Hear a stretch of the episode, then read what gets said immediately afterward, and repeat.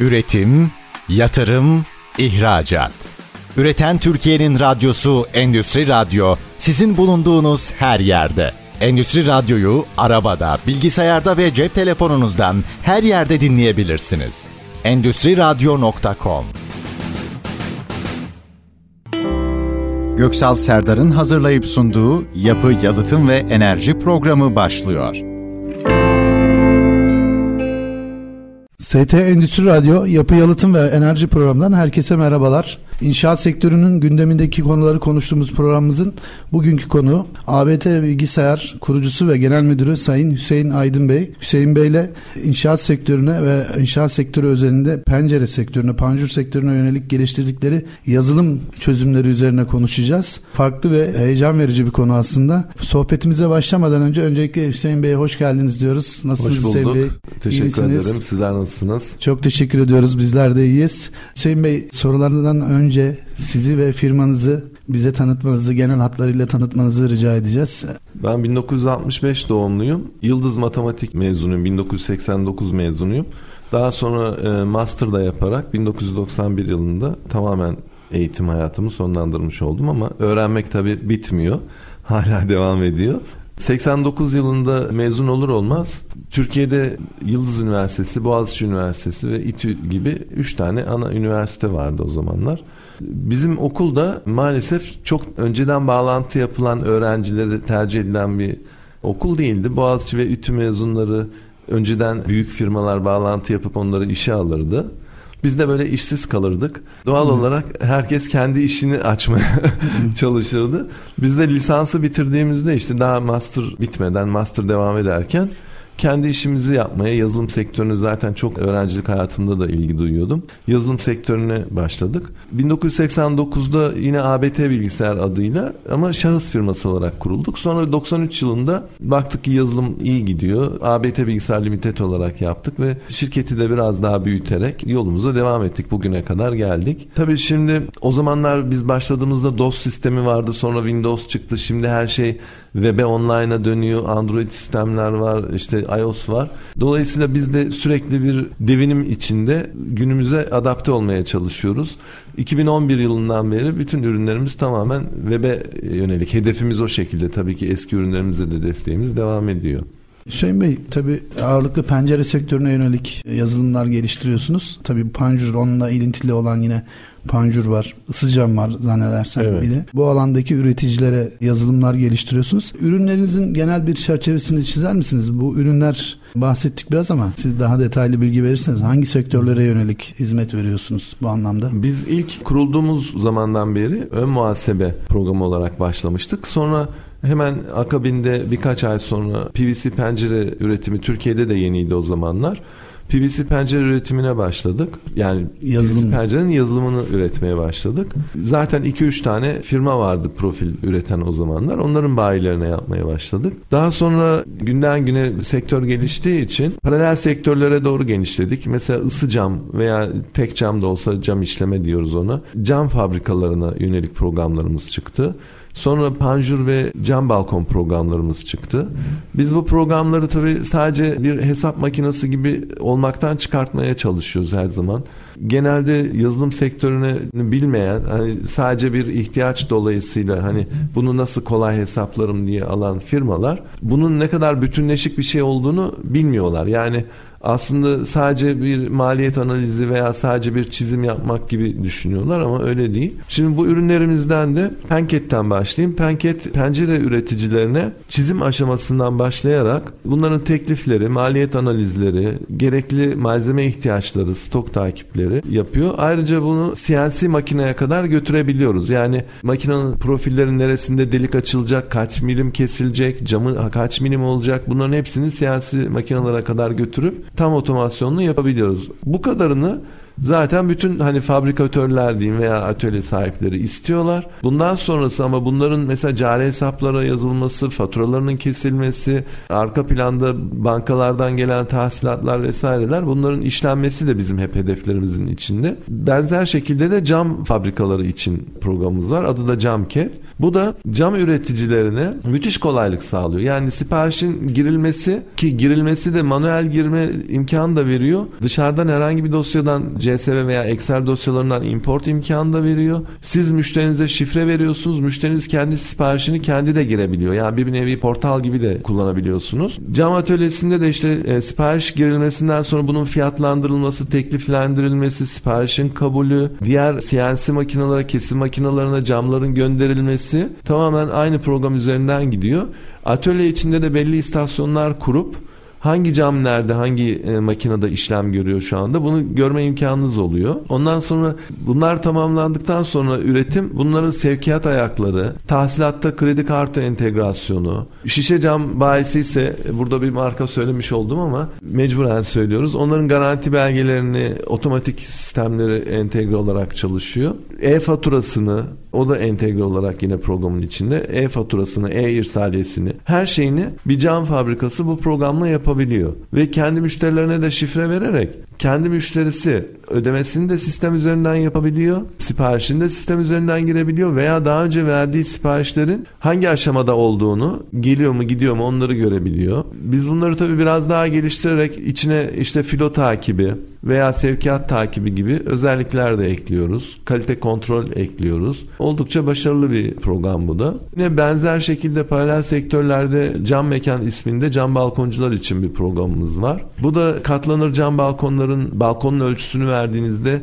onların kanat ölçülerini, alüminyum ölçülerini, cam ölçülerini çıkartıyor. Maliyetini hesaplayabiliyor, çizimlerini yapabiliyor. Yine bir diğer programımız da Panjur programı. Panjur da yine çizimli bir programdır bizde. Panjur'un çizimini yapıyor. Buna kepenk de dahil. Mesela bir garaj kepengi veya fabrika kepengi de dahil. Bunların maliyetlerini yine profil kesim ölçülerini çıkartabiliyor. Tekliflendirmesini yapabiliyor. Genel olarak bu şekilde ürünlerimiz. Yani Hüseyin Bey aslında dediğiniz gibi hepsi e, birbiriyle girift, birbiriyle çok yakın ilintili. Çünkü yani biz biliyoruz ki sektörde hem pencere hem panjur hem kepenk, hem cam balkon, hem ısı cam üretimi yapan çok sayıda üretici bayi var. Yani bunların hepsini yapan bayiler evet. de var. Bazılarını yapıp bazılarını yapmayanlar da var. Dolayısıyla hep birbirleriyle yakın, çok yakın ilintili olan sektörler aslında. Hüseyin Bey bu noktada şunu sormak istiyorum. Siz aslında firma olarak PVC kapı pencere sektörünün gelişimini çok yakından takip eden, işiniz gereği takip ediyorsunuz. Bir dönem çok hızlıydı PVC kapı pencere sektörü. Her sokakta 3-4 tane üretici bayi, tali bayiler vardı. Sonra bir eliminasyona girildi, fabrikasyon sürecine girildi. Birçok birleşmeler ya da fabrikalaşma trendi başladı. Şu andaki durum nedir? Eskisi kadar ya da bir 10-15 sene yıl öncekisi kadar üretici bayi sayısı mevcut mu hala? Bu anlamda nasıl görüyorsunuz PVC kapı pencere sektörünün gidişatını? Şu anda bizim Türkiye'de PVC profiller yine tabii satılıyor PVC pencere. Çünkü hem işlemesi kolay hem dayanıklı bir ürün gerçekten bence iyi bir ürün. Ancak özellikle müteahhit işlerinde falan tercih ediliyor. Ancak bazı bu tip değişimlerden dolayı piyasada bazı profiller şimdi alüminyuma döndü. Bir de bazı özel işlerde e, ahşap kullanılıyor. Kompozitler kullanılıyor kar, karışık olarak. Ama PVC sektörü hiçbir zaman ölmez. Üstelik Türkiye'de de hem bu yazılımlarımızla hem makine üretimiyle biz şu anda dünyada ikinci sıradayız. Yani birinci sırada Almanlar var ki biz bu sektöre ilk girdiğimiz yıllarda Türkiye 10. 15. sıralardaydı. Şu anda makine üretimi olsun ki makinaların da en az %50'si yazılımdır yani artık. PLC'lerle vesairelerle kontrol ediliyor. Makine sektöründe de yazılım sektöründe de biz dünyada şu anda ikinci durumdayız Almanlardan sonra oldukça başarılıyız yani bu konuda. İnşallah daha da başarılı olacağız. Öyle görünüyor. Dolayısıyla şimdi bizim sektörümüzdeki hedefimiz sadece Türkiye pazarı değil. Ama Türkiye'deki pazar sizin de dediğiniz gibi şöyle söyleyeyim. Bu işten ekmek yiyen insanların ve işletmelerin sayısı azaldı. Ama kazançlar büyüdü. Yani Hı. nasıl?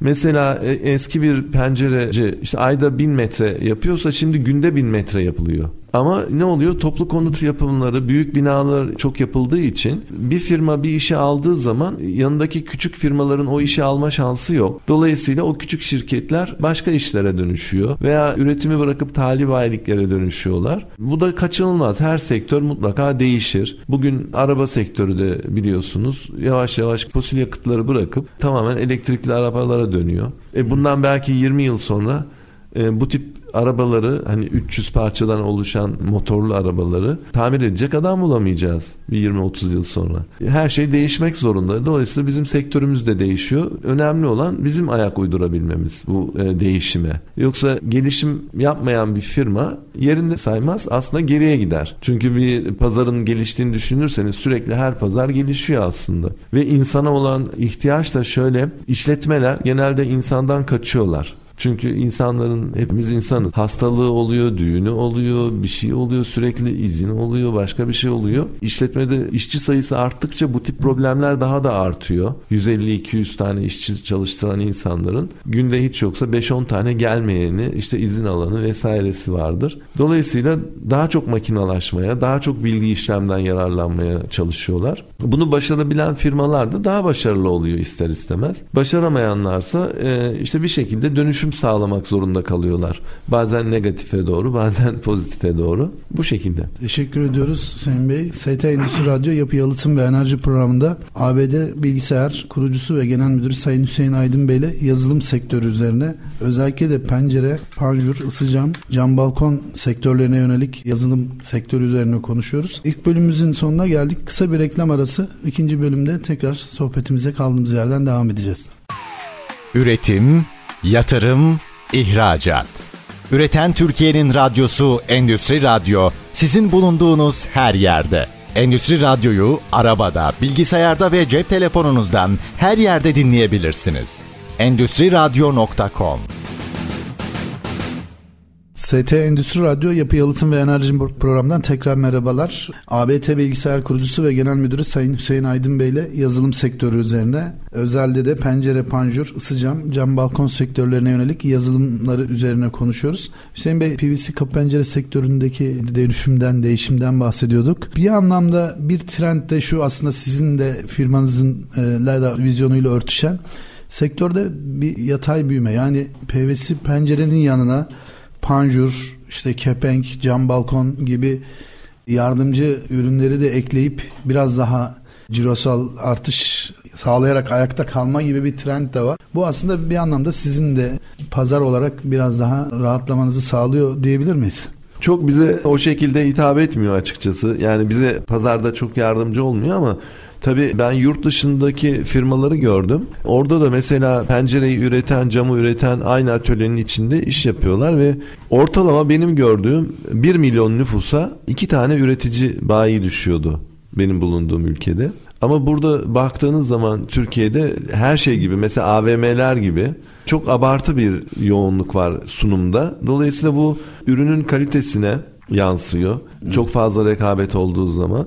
Sektöre çok faydası olan bir şey değil. Bu kadar çok üreticinin olması. Yani sizin dediğiniz gibi bir fabrikanın içinde birkaç ürünü birden üreten özellikle Kayseri'de bu tip firmalarımız var. Onu söyleyeyim. İstanbul'da da var tabii ama İstanbul'un nüfusuna oranla baktığınızda e, Kayseri'deki kadar başarılı bulmuyorum açıkçası. Şimdi bu bize nasıl yansıyor? Şöyle şurada bir parantez daha açayım. Türkiye'de PVC pencereyi üreten firmalar camı ürettiğinde diğer firmalar camı bu firmadan almıyor. Kendisine çünkü rakip olarak görüyor. Evet. Ama bu yurt dışında böyle değil. Dolayısıyla biraz daha Türkiye pazarı farklı. Yani bir pencereyi üreten cam işine girmek istemiyor veya camı üreten pencere işine girmek istemiyor. Bunları birbirine kombin yapıp da başarılı olabilen firmalarımız yok mu? Var ama sayıları nispeten az. Ama şunu da söyleyebilirim. İlerideki projeksiyonda mutlaka bu tip firmaların sayısı artacak. Bu tip sunum yapan, üretim yapan. Ama tek ürün yapanların da sayısı azalacak. Yani şu anda görünen bana göre bu. Bu kadar. Hüseyin Bey şunu da sormak istiyorum. Sizin yazılımlarınız sadece PVC pencere üreticileri yani üretici bayilere yönelik mi? Yoksa tali bayi dediğimiz satıcı bayilere üretim yapmayıp sadece satış yapan bayilere yönelik de e, yazılımlarınız var mı? Bizim programlarımız tali bayi düzeyinde de olabiliyor. Yani ölçeklenebilir program yazıyoruz biz yazarken. Bu Hem pencere programında hem cam programında böyle. Tali bayiye de hitap edebiliyoruz. O ona göre bir modül alıyor. Üretici bayiye de hitap edebiliyoruz. Çok büyük ölçekli fabrikalara da hitap edebiliyoruz. Bunlar modül modül. Ee, istediğiniz ihtiyacınıza göre modülleri satın alıp yani işte CNC makineye göndermeye kadar bunları parça parça bizden temin edebiliyor müşterilerimiz. Özellikle Penket programı bu konuda oldukça iyi. Yani mesela camda çok talibay olayı falan olmadığı için camda bu yok ama Penket'te siz ister talibay programı alırsınız, isterseniz bir kademe daha büyük kesim listelerini işte maliyetleri falan veren bir program alabilirsiniz. Sonra bir kademe daha üstünde profillerinizi optimize eden ama yine kağıt üzerinde böyle bir program alabilirsiniz. Onun bir kademe üstünde çift kafa dediğimiz tabir ettiğimiz otomatik bilgisayardan aldıkları ölçüye göre kendini otomatik konumlandırıp profilleri kesen testereler var. Onlara göre bir program alabilirsiniz bizden. Veyahut da profili işleme olarak isimlendirdiğimiz CNC makineler var. Bu makineler işte kesiyor, deliyor, temizliyor. Yani işin her şeyini otomatik olarak yapıp e, diğer uçtan profil girdi bir taraftan diğer taraftan pencere olarak çıkabiliyor. Böyle bir modül de alabilirsiniz.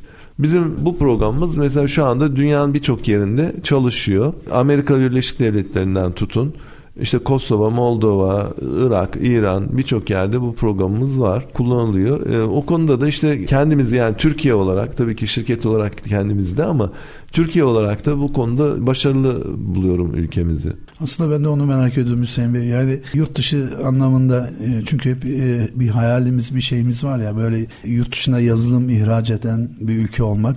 Bu anlamda sizin vizyonunuz geldiğiniz noktayı da merak ediyordum esasında. Bir kısmen de olsa cevapladınız. Burada bir ben yine e, araya gireyim o zaman. Şöyle bir şey var. Bir ülkede neye değer veriliyorsa o gelişiyor. Yani baktığınız zaman film sektörüne, yazılım sektörüne Amerika Birleşik Devletleri bu konuda öndedir genelde. Çünkü o ülkede kopya diye bir şey bilmezler. Yani telif hakkını hemen öderler. E, filminizi kopyalamazlar, yazılımınızı kopyalamazlar. Orada daha e, bu sektörler hızlı büyüyor. Bizde ise kopyalama veyahut da işte emeğe saygısızlık gibi durumlar çok fazla olduğu için gelişim biraz yavaş oluyor. Yani ilk önce bir şirket gelişirken ilk hedefi kendi ülkesindeki insanlara, kendi ülkesindeki işletmelere bir ürünü satmaktır. Kendi ülkenizde satarsanız biraz daha gelişip ondan sonra yurt dışına da rekabet ederek yurt dışına da satabilme şansınız olur. Bizde biraz o yüzden toplumun bakış açısı nedeniyle gelişme açıkçası umduğumuzdan yavaş oldu. Ama şu anda biraz daha Türk insanı da bunu anladı yazılımın önemini. Şu anda biraz daha rahat hareket ediyoruz. Bir de şunu merak ediyorum Hüseyin Bey. Ürün geliştirme veya ARGE yaparken e, nelerden besleniyorsunuz? Çünkü direkt bayilerle iletişim halinde olduğunuz için onlardan aldığınız geri dönüşler sizi sizin yolunuza nasıl ışık tutuyor? Bunun dışında beslendiğiniz noktalar var mı? Tabii bizim yani birçok başarılı aslında şirketin de önem verdiği şey bu müşterilerden geri dönüşlerdir. Çünkü sizin programınızla üretim yapan insan o üretimde yaşadığı problemi veya teklif verirken yaşadığı problemi en iyi kendisi bilir, kullanan bilir. Biz her ne kadar yazılım yapıyorsak da kendimiz bunu kullanmıyoruz. Sadece testlerden geçiriyoruz. Dolayısıyla müşterilerimizden gelen geri dönüşler bizim için çok değerlidir. Bizim heroffice.com diye bir ön muhasebe programımız var. Biz her şeyi de bunun çevresinde, bütün programlarımızı bunun çevresinde toplamaya çalışıyoruz. Onun kendi içinde geri bildirim sekmesi var. Oradan mesela geri bildirim yaparsa müşterilerimiz hangi konuda çok geri bildirim gelirse biz o geri bildirimleri hemen öne alarak bu bir bazen tadilat oluyor programda. Bazen bir yeni bir geliştirme olabiliyor. Bunları da mutlaka buradan takip ederek yapıyoruz ve biz hani birçok firmanın ki bizden daha büyük firmaların da ben bakıyorum. Dışarıdan kaynak kullanıyorlar bu tip e, geri bildirimler ve şirket içi geliştirmeler için. Biz bunu da kendimiz yazdık. Bunu da kendi bünyemizdeki arkadaşlarımızla birlikte geliştirdik. Dolayısıyla çok daha rahat kendi ihtiyaçlarımıza göre bunu geliştirip piyasadan gelen talepleri de buna göre takip ediyoruz. Zaten bizim şirketimizin de son 10-11 yılda çok daha hızlı büyüdüğünü görebiliyoruz. Hüseyin Bey ben bir de şunu merak ediyorum. PVC profil üreticileri yani sistem üreticileri açısından baktığınız zaman sizin yazılımlarınızı kullanan bayilerin hem e, standartizasyonu yani belli bir kalitede, belli bir standartta oturmaları hem de kurumsallaşmaları hani muhasebe ve gelir gider vesaire anlamında kurumsallaşmaları noktasında önemli bir itici güç olduğunu da söyleyebilir miyiz? Tabii şimdi bizim programlarımızın e, bir kısmını MRP olarak tanımlayabiliriz. Biz her ofis bünyesinde bunları ERP'ye doğru da evriltmeye çalışıyoruz. Yani burada MRP programı tedariğin, fabrikadaki üretimin hem tedariksel açıdan hem know-how açısından hem kalite açısından takibini sağlıyor. ERP ise bunu tamamen bir kurumsal hale getirip kurumdaki tüm araç gereçleri, insan kaynağını, her şeyi bir araya getirip MRP ile de zaten entegre olarak çalışıp bunu bir kurumsal kültür haline getirmeye çalışıyor yazılımımız.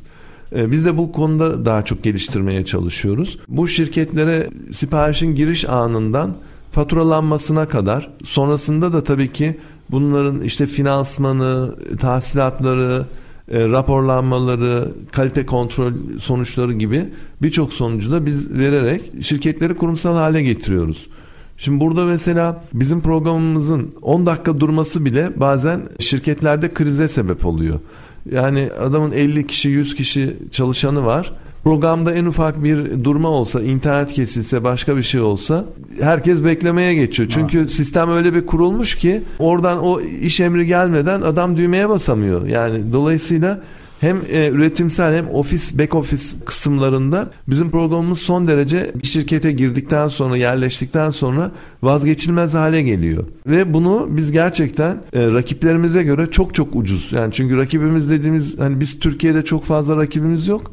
Olan da zaten yabancı firmalar tarafından satın alınmış. Biz şu anda hani öz sermaye, Türk sermayeli bir şirket olarak bu işte oldukça başarılı buluyoruz kendimizi. Rakiplerimize göre de oldukça uygun fiyatımız var. Teşekkür ediyoruz Hüseyin Bey. Tabii biraz da aslında bundan bahsedecektik.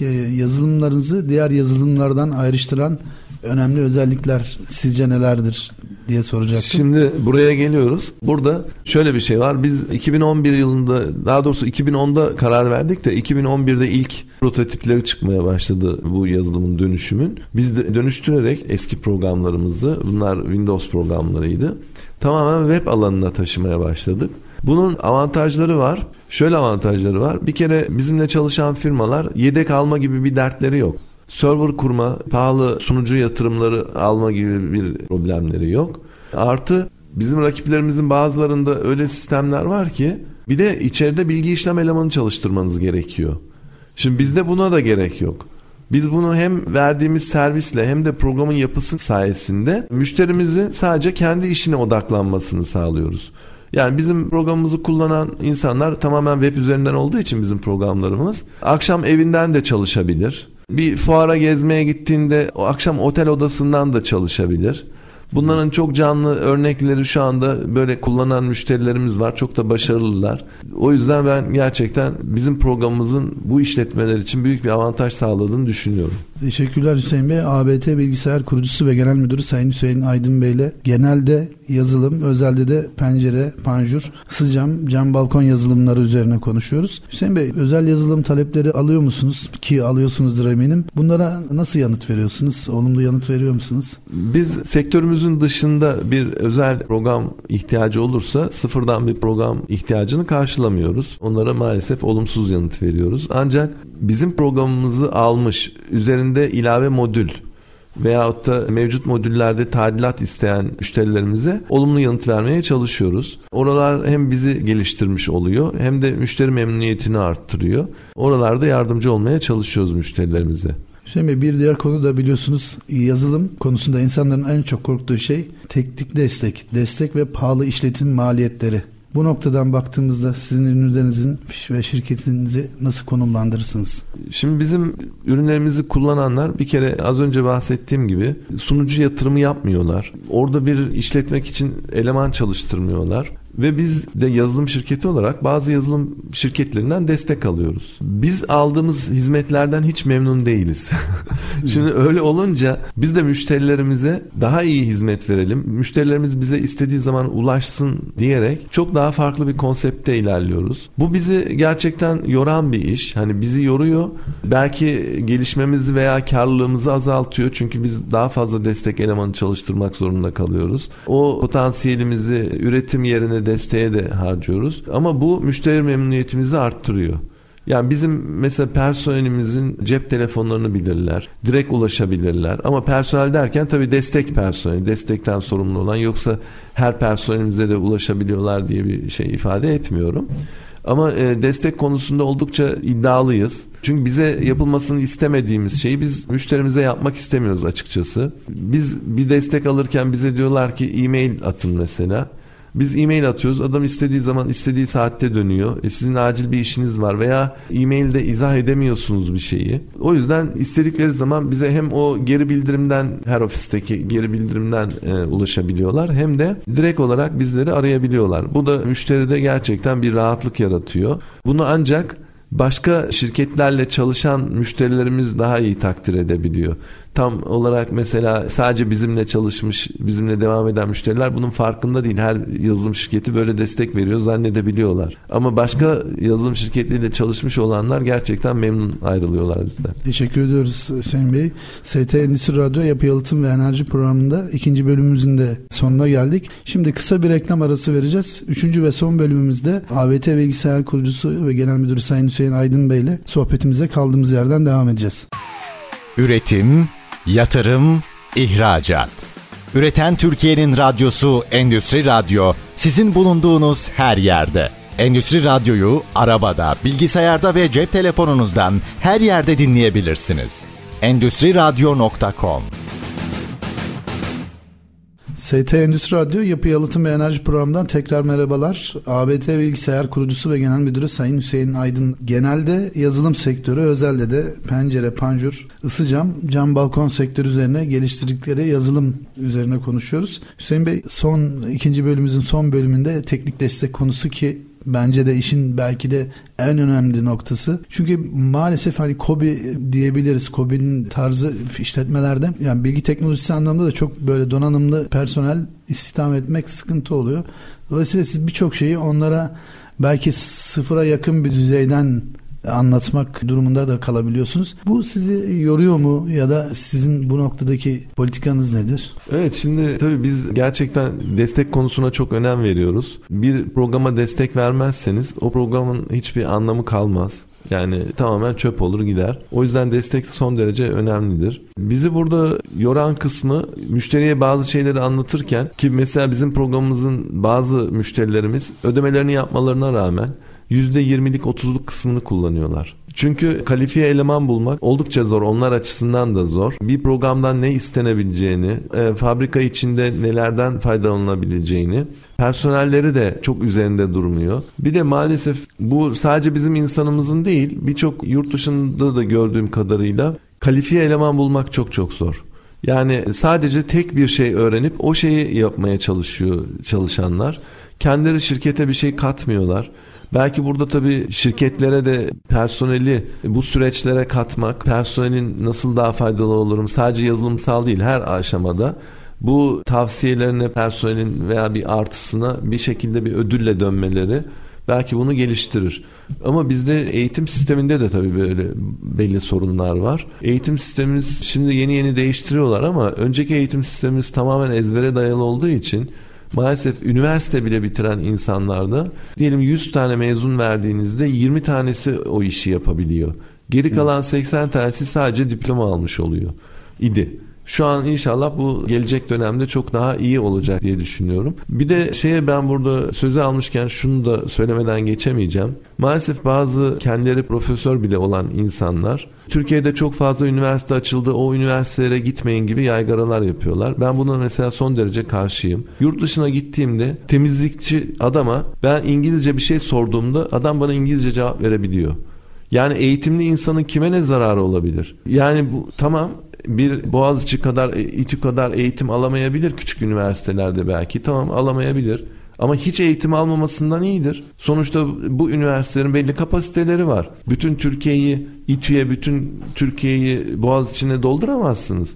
Dolayısıyla herkes eğitim alsın. Herkese o fırsat verildikten sonra İnsanlar o bilgiye ulaştıktan sonra bilgiyle ne yapacakları onları ilgilendirir. Yani isterse gider sokakları temizler, isterse gider bir makinenin altına yatıp makineyi tamir eder, isterse işveren olur, yatırımcı olur ama insanlara bu şansı vermek lazım. Bunun neyine karşı çıkılıyor ben bunu gerçekten anlayamıyorum. Eğitim her zaman çok çok önemli bir şeydir bence. Teşekkür ediyoruz Hüseyin Bey. Sizin az önce vurguladığınız bir nokta vardı. Ben o nokta üzerinden devam etmek istiyorum. O da şu malumunuz yani dijitalleşme gibi çok önemli bir olgu var şu an tüm sektörlerde ve tüm dünyada. Bu dijitalleşmenin eşiğinde olan bu devrimde olan bir sektörde şeylerin yazılımın yeterli ilgi gördüğünü söyleyebilir miyiz? Özelde de PVC pencere sektörü ya da panjur ısı cam üreticileri açısından? Şimdi günümüzde bir işletme yani özellikle de böyle pencere cam sektöründe kesinlikle ve kesinlikle bilgisayarsız olmaz. Yani bilgisayarsız ben bu işi yapıyorum diyen hani çok böyle küçüktür.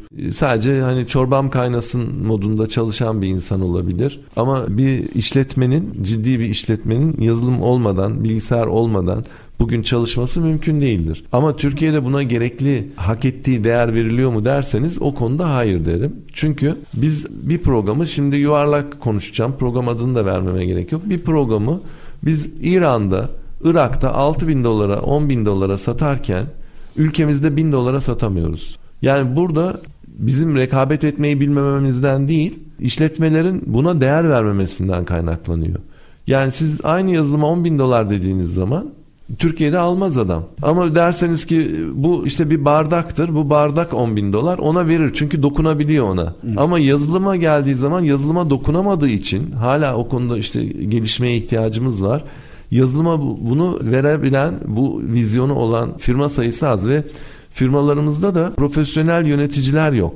Yani siz bir firmaya görüşmeye gittiğinizde genelde işverenle görüşüyorsunuz. Oysa profesyonel yönetici olsa bu konuya daha farklı bakacak. Tek kişiyle olan yani karar mekanizması tek kişi olan işletmelerde maalesef o kişinin de bilgisiyle sınırlı olduğu için sizin anlattıklarınız onun anlamasıyla sınırlı olduğu için satışlarda çok zorlanıyoruz açıkçası. E, bu da bizim gelişmemizi yavaşlatıyor.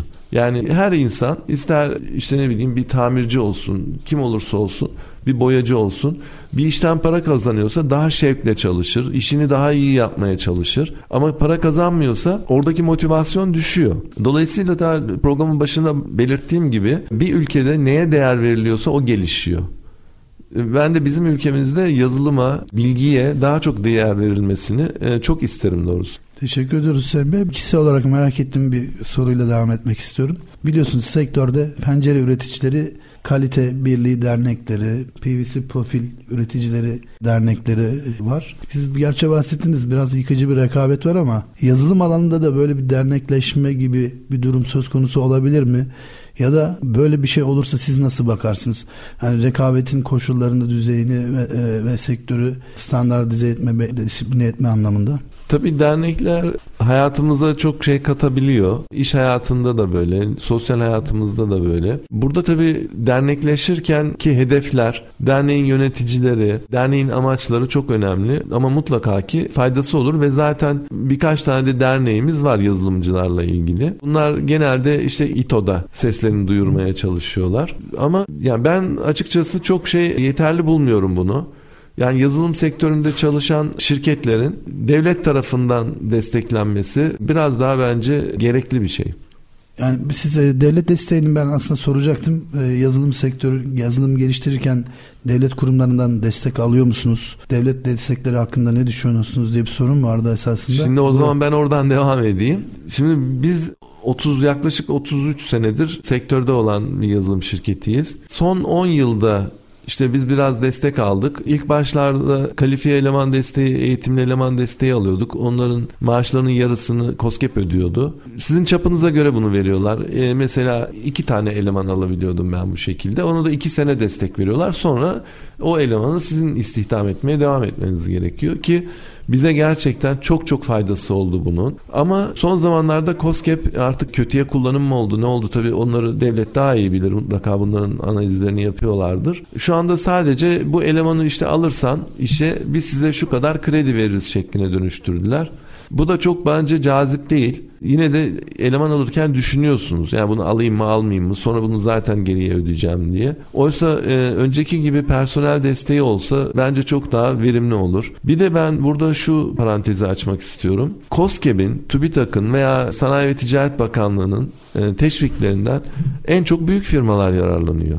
Küçük firmalar maalesef yararlanamıyor. Sebebi de şu. O kadar çok formalitesi var ki bunu, bunun. Size o formaliteleri takip edecek bir eleman gerekiyor.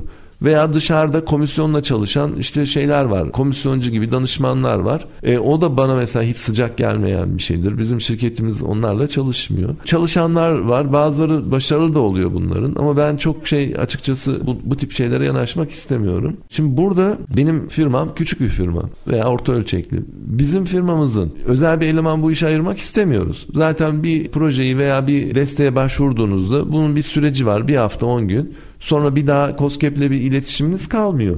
Dolayısıyla o süreçte de birilerine danışmak yerine COSGAP'in personelin bize yardımcı olmasından daha doğru olacağını düşünüyorum. Bu konuda da maalesef eskiden daha iyiydi. Şu anda bu konuda da çok şikayetçiyim. Asla telefonla ulaşamıyorsunuz COSGAP personeline. Onlar da sadece e-mail ile destek veriyorlar. Az önce size anlattığım gibi yazılım sektörü de ona dönmüş durumda. Biz ama telefonla mesela müşterimizin bize ulaşmasını istiyoruz. E, isteriz ki biz KOSGEB'e de telefonla ulaşabilelim, şahsen gidip danışabilelim.